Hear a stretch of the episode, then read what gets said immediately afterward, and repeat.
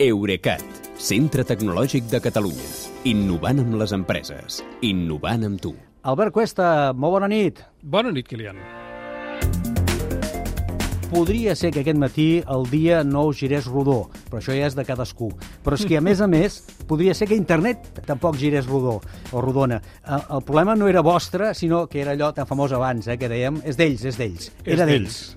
Sí, això ha passat amb les botigues allotjades a Shopify, amb els chats de Discord, amb els blogs de Medium, amb les dades d'exercici físic a Fitbit, eh, l'agregador de titulars Fitly, el gestor de xarxes socials Buffer, el videojoc League of Legends i fins i tot les webs de criptomonedes FTX i Coinbase, entre moltes altres Són moltes, aplicacions. eh? Moltes, i encara més, vull dir, centenars. Ja, ja. Uh, com pot suposar, no és que totes s'hagin posat d'acord per caure al mateix temps, ni tampoc que hagin patit ciberatacs simultanis, que també podria haver passat. També podria ser.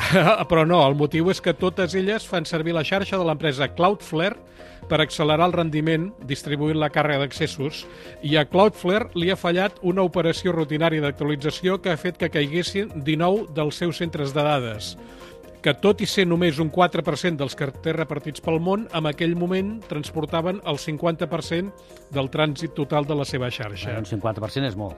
És molt. Tan aviat se n'ha donat del problema, han revertit el canvi, però durant una bona estona han deixat de funcionar els serveis dels seus clients, com aquests que dèiem, i també algun de propi com el DNS neutre 1.1.1.1, que alguns fem servir per esquivar el DNS de la nostra operadora. Ja. Uh, també hi ha hagut internautes que no han notat res, també s'ha de dir, perquè és que l'afectació ha anat per barris, literalment. Sense anar més lluny, entre els 19 centres de dades de Cloudflare afectats hi ha el que tenen a Madrid, però no el que tenen a Barcelona.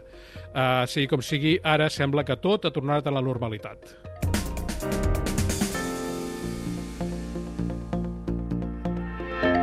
Sí, senyor. A la normalitat fins a la pròxima, fins a la pròxima incidència. Sí, perquè aquesta arquitectura de distribuir els serveis digitals concentrant-los amb les grans xarxes d'unes poques grans empreses, gairebé sempre són les tres mateixes, acaba provocant que quan se se n'avaria una eh, quedin afectades moltes més. Uh, avui ha sigut Cloudflare, però fa uns mesos, ja en vam parlar, va passar amb el seu rival Fastly, i tampoc se'n lliura Akamai, que és el tercer amb discòrdia d'aquest mercat tan Ja. curiós. La de Cloudflare no ha estat, però, l'única caiguda de servei avui, eh?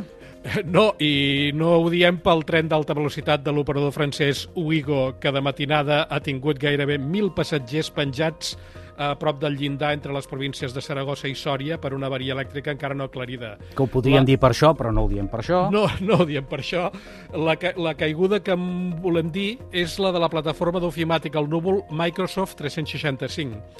Uh, durant, durant gairebé 8 hores, els usuaris de bústies de correu de uh, Microsoft Exchange i de videoconferències Microsoft Teams han tingut dificultats de connexió i talls de servei.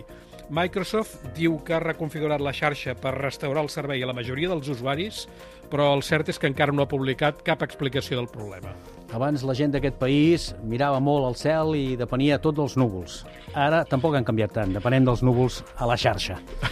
és ben bé això. És així. Gràcies, Albert, que vagi bé. Bona nit. Fins, bona nit, fins demà. Eurecat, centre tecnològic de Catalunya. Innovant amb les empreses. Innovant amb tu.